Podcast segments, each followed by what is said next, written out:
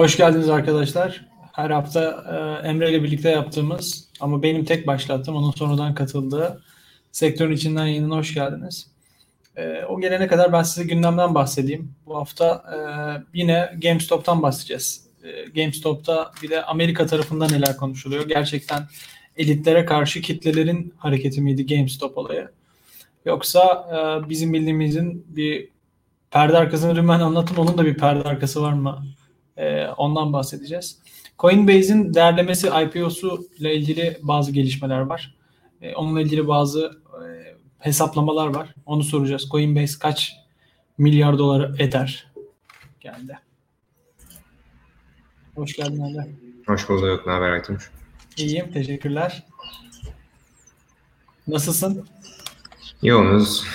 Bir Sen bayağı geziyorsun abi. Her hafta başka yerdesin ya.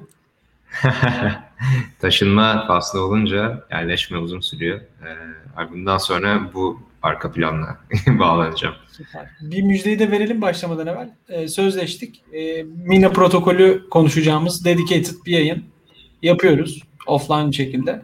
Sadece Mina ile ilgili sorular soracağız. Aklınızdaki soruları bize yollayın. Telegram'dan da iletebilirsiniz. Discord'dan da, Twitter'dan da. Ben de e, Emre'ye ileteceğim soruları Mina ile ilgili. E, sabırsızlıkla bekliyoruz Mina ile ilgili haberleri de. Hay hay konuşalım. Direkt gündeme gireyim istersen. Bizde en çok konuşulan konu, sizde de en çok konuşulan konu. Normalde normalin aksine. Normalde çünkü bizde çok farklı konular konuşuluyor kripto para piyasasında. Bizde e, GameStop çok konuşuluyor. E, çünkü işte orada elitlere karşı kazanılan bir savaş gibi lanse ediliyor. Kitleler elitleri indirdi. İşte Wall Street e, bet Reddit'te kök söktürdü. E, sen nasıl görüyorsun? Sizin orada nasıl değerlendiriliyor? Bir arka planını perde arkasında bize anlatman mümkün mü? Evet, biraz dediğin gibi gerçekten ana başlık bu şekilde konuşuluyor. Ee, enteresan kısmı da aslında genel bir makro bir trend bu değil mi? Baktığımızda dünyada artık hani insanlar yani daha ziyade nasıl diyeyim ya hak diye tabir ettiğimiz bizler daha çok bilgiye sahip oldukça internet sağ olsun, komüniteler, online komüniteler sağ olsun Reddit gibi e, hepimiz hani aslında günümüze kadar gelmiş olan 10 yıllar içerisinde çeşitli işte kabul görülen, doğru görülen şeylerin bazılarının o kadar da doğru olmadığını, dürüst olmadığını, yanlış olduğunu görüyoruz. E, bu yaşanan da bu. E, özetlemeye gerek var mı bilmiyorum ama işte Reddit komünitesinde GameStop'u seven aynı zamanda bir kitlenin e, çeşitli hedge fundların short pozisyonları almasına karşı tepki göstermesi. E, ve aynı zamanda e, daha ziyade aslında e, Amerika'daki hisse e, yani stock trading altyapısının e, çok yavaş olmasından kaynaklanan e, finansal likidite sorunlarından ötürü çeşitli buradaki brokerların e, özellikle GameStop ve birkaç benzeri kategoriye giren hisselere trading'i kapaması e, büyük bir e, tabii şey isyana yol açtı. İşte Robinhood başta olmak üzere çünkü herkes Robinhood kullanıyor burada günlük anlamda e, perakende yani halk trade etmek için. E, kapayınca bir anda trading'i tabii ki büyük isyan oldu. E, sebeplerine girebiliriz ama e, hani bir anda bu halk versus e, işte daha kurumlar veya hedge fundlar savaşına döndü. E, enteresan ama şimdi baktığımızda da mesela hani hem Robinhood'un trading'i zorlaştırmasına ötürü e, hem de aslında baktığımızda sonuçta bir decentralized bir komünite biz blockchain'lerden çok aşinayız ama blockchain'lerde bir incentive var sonuçta değil mi? Hani işte proof of stake mekanizmaları veya proof of work mekanizmaları bir incentive mekanizması var. E, fakat hani Reddit'çiler için incentive bir yerden sonra duruyor. Halum o şekilde de GameStop stokları çöktü e, tekrardan. Çünkü hedge fundlar e, hani e, zengin dostları sağ olsun para bulmaya devam edebiliyorlar. E, ama en azından hani Reddit komüniteleri bir sonraki buradaki işte Amerikan Kongresi bir dahaki e, bu Covid çeklerini bir daha ne zaman geçirir bilmiyoruz ama geçene kadar e, o parayı bulamıyorlar. Enteresan kısmı aslında bir yandan da bu hani halkın isyanını Amerikan hükümeti fonlamış oluyor. Çünkü bu işte çekler işte en son 600 dolarlık bir çek geldi. Şimdi 1200-1400 dolarlık bir çek daha konuşuluyor. E, bunlar geldikçe e, hani bu tarz hedge fundlara karşı halk fonlanmış oluyor. E, bakalım ne olacak ama dediğin gibi yani bu hakikaten e, çok e, devam gelecek bir trend. E, çeşitli regülasyonlara da yol açabilir, yeni regülasyonlara ama enteresan bir konu. Bitcoin. Ama onu soracaktım. E, sence, sence peki regülasyon ateşini tetikler mi? Bu bilhassa Robinhood'un işte Citadel'le olan ilintisi, e, dolayısıyla trade'i kapatması e, yani sanırım regülatif e, kurumları da biraz rahatsız etti. Acaba onlardan haberdar mıydılar? Haberleri var mıydı bu e, Robinhood'un yaptığı kendi kendine e, işte sabit trade'i durdurmakla da kalmayıp bazı bazı kişilerin fonlarına satış emri yazıyorlar ya da sadece sat emri girmesine izin veriyorlar. Alışa alışa kapatıyor. Çok adaletsiz bir durum oluştu gerçekten. Aynısı daha sonra çok bir yeni kitle geldi kripto paralara da. Bunlar işte Dogecoin aldılar. Ondan birkaç gün sonra.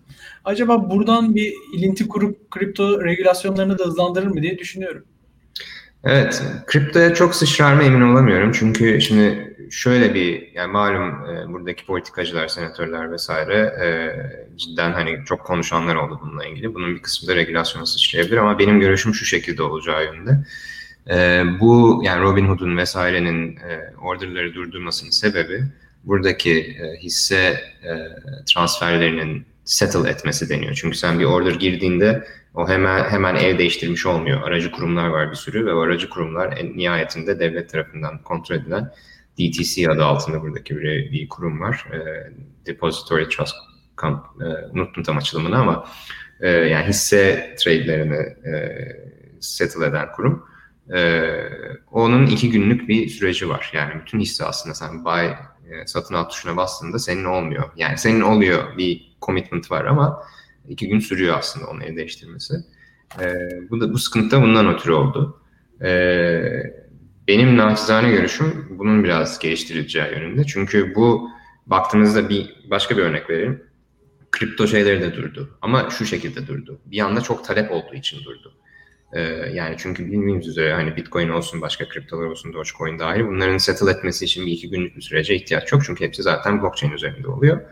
E, fakat işte Coinbase'de Robinhood'da olsun bir duraksama oldu. Fakat bu klasik Coinbase'den hani artık bildiğimiz çok talep var. Sistemleri yetişemiyor. Biraz vakit alıyor. Sonra tekrar geri geliyor. Ondan kendi beceriksizliklerinden ötürü diyelim yani oldu.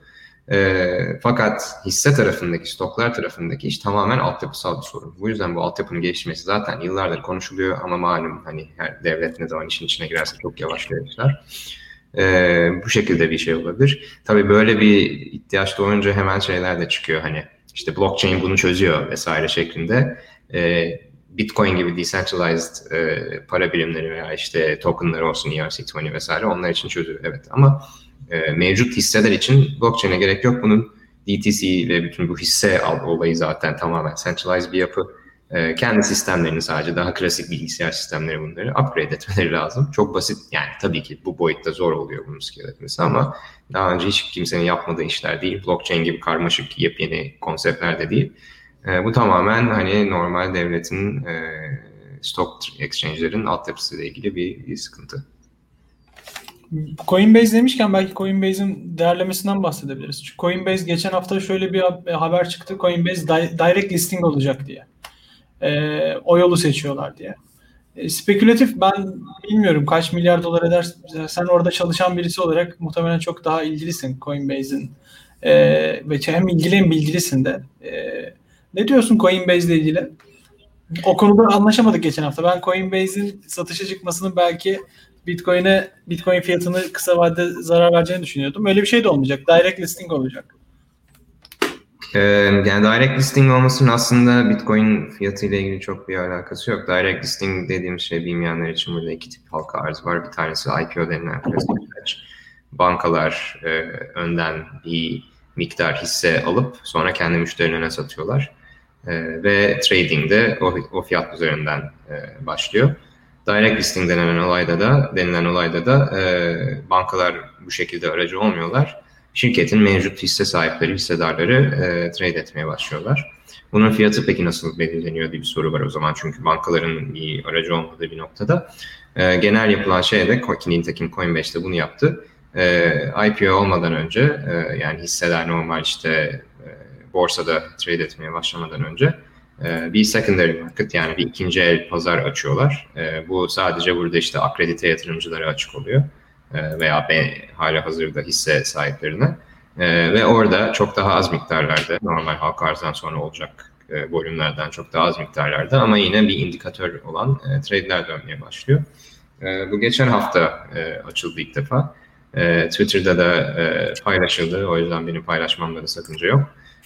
Yani 70 milyar dolara varan orderlar vardı. Yani şirketin değerini 70 milyar dolara getiren. E, bunlar yani bu trade'ler oldu mu olmadı mı bilmiyoruz şu an. E, bu hafta öğrenilecek. Ama e, gerçekten hani baktığımızda yani çok ciddi bir meblağ.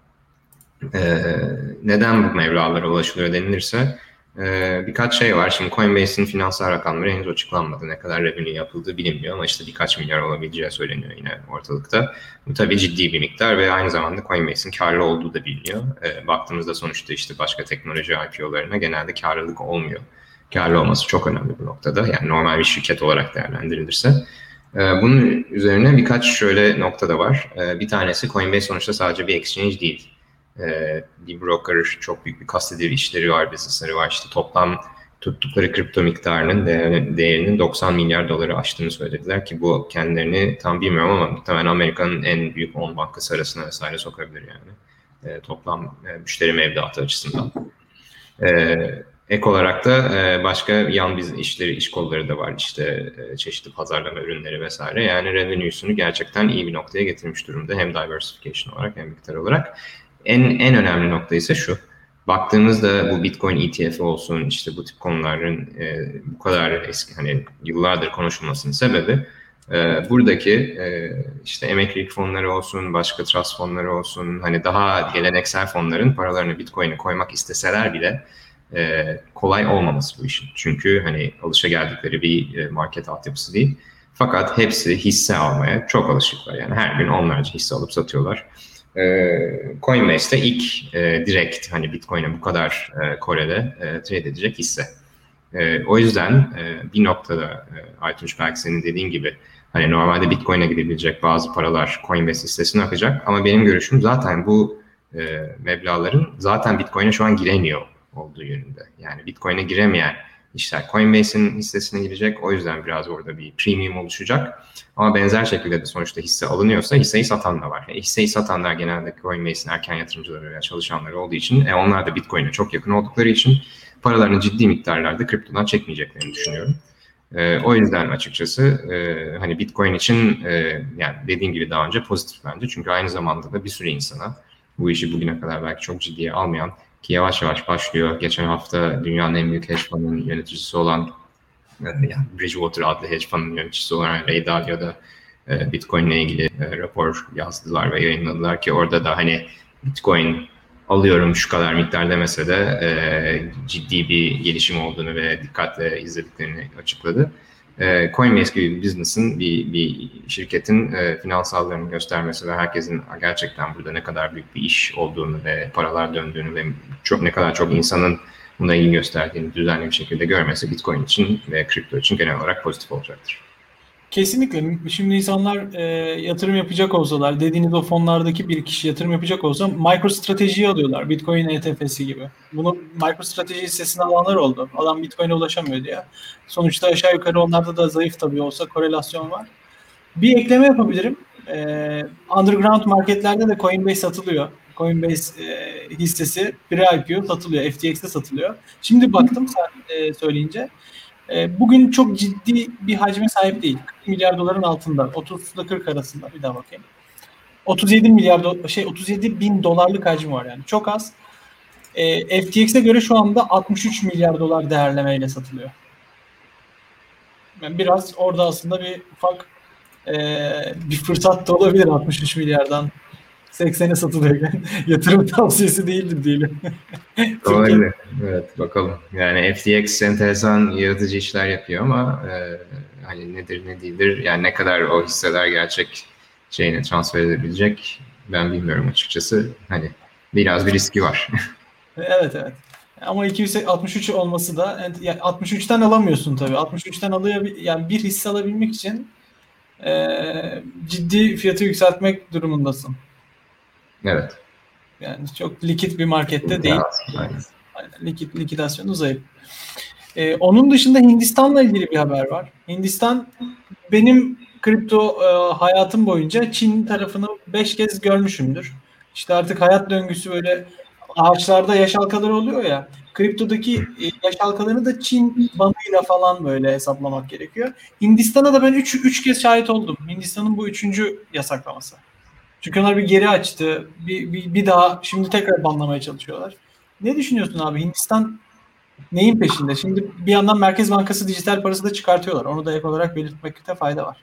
Evet yani Hindistan aslında Merkez Bankası dijital parasından önce dünyadaki en büyük e, finansal ödeme sistemi e, gelişimini yaptı. Normal e, hani bankacılık sistemi için. E, öyle ki hani yani bizzat kendim kullanmadım ama bildiğim kadarıyla Hindistan'da herkesin ki hani Hindistan baktığımızda kişi başına düşen milli gelir açısından ne kadar fakir bir ülke hani biliyoruz ama buna rağmen herkesin e, bir kimlik numarası ve bu kimlik numarasına doğrudan bağlı banka hesapları var. E, ve her her yerden tamamıyla API şeklinde yani direkt devletin e, yönettiği bir sistem bu. E, çok kolay ödemeler gerçekleşebiliyor. Bunu yapmalarının sebebi ne? E, daha eskiden beri yani Hindistan'ın e, aslında çok hani otokratik belki denilebilecek, herkesin biraz da kişisel e, bilgi gizliliğine biraz da e, hani sıkıntılara yol açabilecek e, bir altyapı kurmuş olması ki yani vatandaşları daha yakından takip etmek istiyorlar. E, bu açıdan baktığımızda hani Bitcoin gibi sistem tabii onların e, şeylerine karşı hani bu şekilde bir e, bakışı olan bir e, devlete karşı. Benzer şekilde de e, hani Hindistan e, hani regulatory anlamda çok büyük hani çok liberal veya çok e, nasıl diyeyim e, yasaya e, uygun şeyler yapmadığı da bilinen bir ülke. O yüzden biraz daha hani e, kafalarına estiği gibi hani istemiyoruz arkadaş biz bunu. Yasada çok önemli değil zaten. E, o yüzden ben diyelim şeklinde yaklaşıyor olabilirler. E, bu şekilde açıkçası başka bir görüşüm yok konuyla ilgili. Ben de hani arada bir görüyorum. E, bakalım yani herkes Çin, Hindistan bir, birkaç başka ülkede arada bir yasaklayacaklar ama elinde sonunda izin verilmesi gerekecek.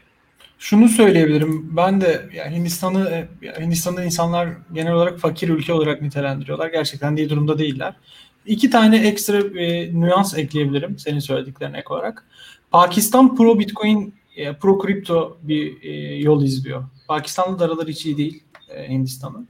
Diğer yandan 2020 yılındaki e, kişi başına düşen milli gelir e, açısından lider olan ülke Hindistan. Çok ciddi kişi başına düşen milli geliri artmış.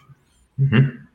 Yani iyi data pointleri e, çok düşük bir yerden başlıyorlar tabii yüzdesel olarak şey değil. E, evet yani enteresan. Çok bir bilgim yok açıkçası. Hani Pakistan'la Bitcoin özelinde olan tartışmaları yönünde ama ya her yani ortalama bir kriptocu bir e, nasıl desem Çin hakkında çok ciddi bilgi sahibi olmak zorunda. Şimdi 12 Şubat'ta Çin'in yeni yılı geliyor. Şimdi evet. insan bunu bunu takip etmek durumundasın. Neden? Çünkü geçtiğimiz yıllardaki benim tecrübe ettiğim o zamanlar market iyi davranmıyor. Market böyle çok hareketsiz oluyor. Yaprak kıpıldamıyor diyorlar. Ee, ama gelecek yılda bu e, bir yıla. Şimdi bir soru da olsun mesela. Bunu çok ciddi e, global kripto outlet'lar da konuşuyor. Asyaların bir satış sezonuna girdik yani. Amerika alıyor, e, Amerikalılar uyurken Asyalılar fiyatı düşürüyor. Madenciler fiyatı düşürüyor. Bununla ilgili hiçbir bilgin var mı ya da bir öngörün var mı? Neden Asyalılar neden satıyor? Genel trend budur. Ee, bilinen şu, e, aslında bu son bir aydır olan bir şey bu. Amerika alıyor, Batı alıyor, Asya satıyor. E, sebebi dediğin gibi e, Çinlilerin yeni yıl e, takvimiyle ilgili. Çünkü geleneksel olarak hani Çinliler kültürel olarak e, yeni yıl öncesi e, para çekiyorlar biraz normal marketlerden de. Hani bu gerek çeşitli alışverişleri için olsun gerek hani kültürel böyle bir trend oluşmuş durumda. Benim de hani Asya'daki tanıdıklarım hep bu şekilde bunu destekliyorlar yorumlarıyla. E, fakat e, yani benim anladığım kadarıyla aslında e, Çin yeni yıl moduna girdi bile. Yani 12 Şubat'ta olsa bile yeni yıl tarihleri bütün Şubat ayı boyunca tatilde çoğu. Hani çoğu kişi tatile çıkıyor herkes. Hani Amerika nasıl e, aralığın ikinci yarısında bütün tatilse Çin de aynı şekilde. E, o yüzden yani bu satışın çoğu oldu diye anlıyorum ben. E, biraz da bir daha devam edebilirim sonuçta hani belli bir tarihte başlıyor ve diğer başka bir tarihte tamamen bitiyor değil ama E, çoğunluğu oldu. E, biraz da sakin geçecek Şubat'ta marketler e, volüm olarak ama Mart'tan itibaren muhtemelen e, tekrardan gözler çevrilecek ve başka hani makro şeylerin dışında Asya daha bullish bir moda geçebilir ama bakalım. Süper öngörü. Teşekkür ediyoruz. Bugün başka konuşacağımız senin aklına gelen bir şey yoksa sana Meet kalender uyarı attı. Yeni kolum var. İstersen erken kapatabiliriz. Ses geldi. Yok daha 10 dakikam var. Ee, ama evet e, başka neler oldu diye düşününce ben de gerçekten ha e, şey oldu belki bu ne kadar takip edildi bilmiyorum ama e, Elon Musk, Tesla'nın SpaceX'in CEO'su malum e, hani Twitter'da biraz kriptik de olsa önce Twitter'da kriptik de olsa Bitcoin'e çevirdi biliyorsunuz sonra bir kriptik bir tweet attı. E, ama akabinde dün bir programa çıktı. E, burada e, işte bayağı binlerce kişi izledi. E, ve orada daha net bir şekilde şeyi söyledi yani hani e, Bitcoin'e hani evet biraz aldım. E, arkadaşlarım söylemişti. E, keşke daha önce alsaydım. E, ama bence en önemli yorumu hani şeyi söylüyor yani finans dünyasının daha da büyük ölçeklerde Bitcoin'e e, dönmesi çok yakın zamanda olacak bence dedi. Evet evet. Finans ee, kabul görmenin eşiğinde dedi. Biz ben de şaşırdım. Bizim sabah saatlerinde oldu. Bizde çok anlaşılmadı çünkü bunu Clubhouse diye bir e, application'da söylüyor böyle yeni hı hı. trend. Türkiye'de de yeni yeni yayılan bir yerde söyledi. Ondan çok bu haber olmadı Türkiye'de. Ama Elon Musk bilmiyorum Elon Musk'ın çok seveni olduğu gibi sevmeni de var. Dogecoin'i de yükseltti. Türkiye'de çok fazla Dogecoin e, hacmi oldu. Yani yerli borsalarda birinci sıraya oturdu Dogecoin. Bitcoin falan geçti. Ve Dogecoin e, çok düştü sonra. yani insanlar biraz Elon Musk'a tepkili olabilir Türkiye'de. Çok işte marketi manipüle etti vesaire diye. Ama Elon Musk gibi birinin Bitcoin'den bahsetmesi e, pozitif bir şey bence. Benim hoşuma gidiyor açıkçası. Tabii tabii yani e, geç bile oldu bence e, ama hani açık bir şekilde daha konuşabiliyor olması bakalım yani belki şirketlerin de Bitcoin almış olması mümkün olabilir bilmiyoruz. E, ama hani bir anda böyle hem işte Twitter biosunu değiştirmesi hem işte şovlara çıkıp Bitcoin'den bahsediyor olması enteresan. E, bir bilgim yok açıkçası ama e, bir, bir bit yeni olabilir bu işin içinde. Pozitif bir bit yeni. Şimdi o zaman bir de şunu sorayım. Diğer kolun başlamak üzere. E, MicroStrategy'nin e, Bitcoin'in Chief Marketing Officer'lığına atanan e, CEO'su var biliyorsun. Michael Saylor. O adam bu çarşamba ve perşembe CEO'lara pitch yapacak. Bitcoin anlatacak. Bitcoin sunacak.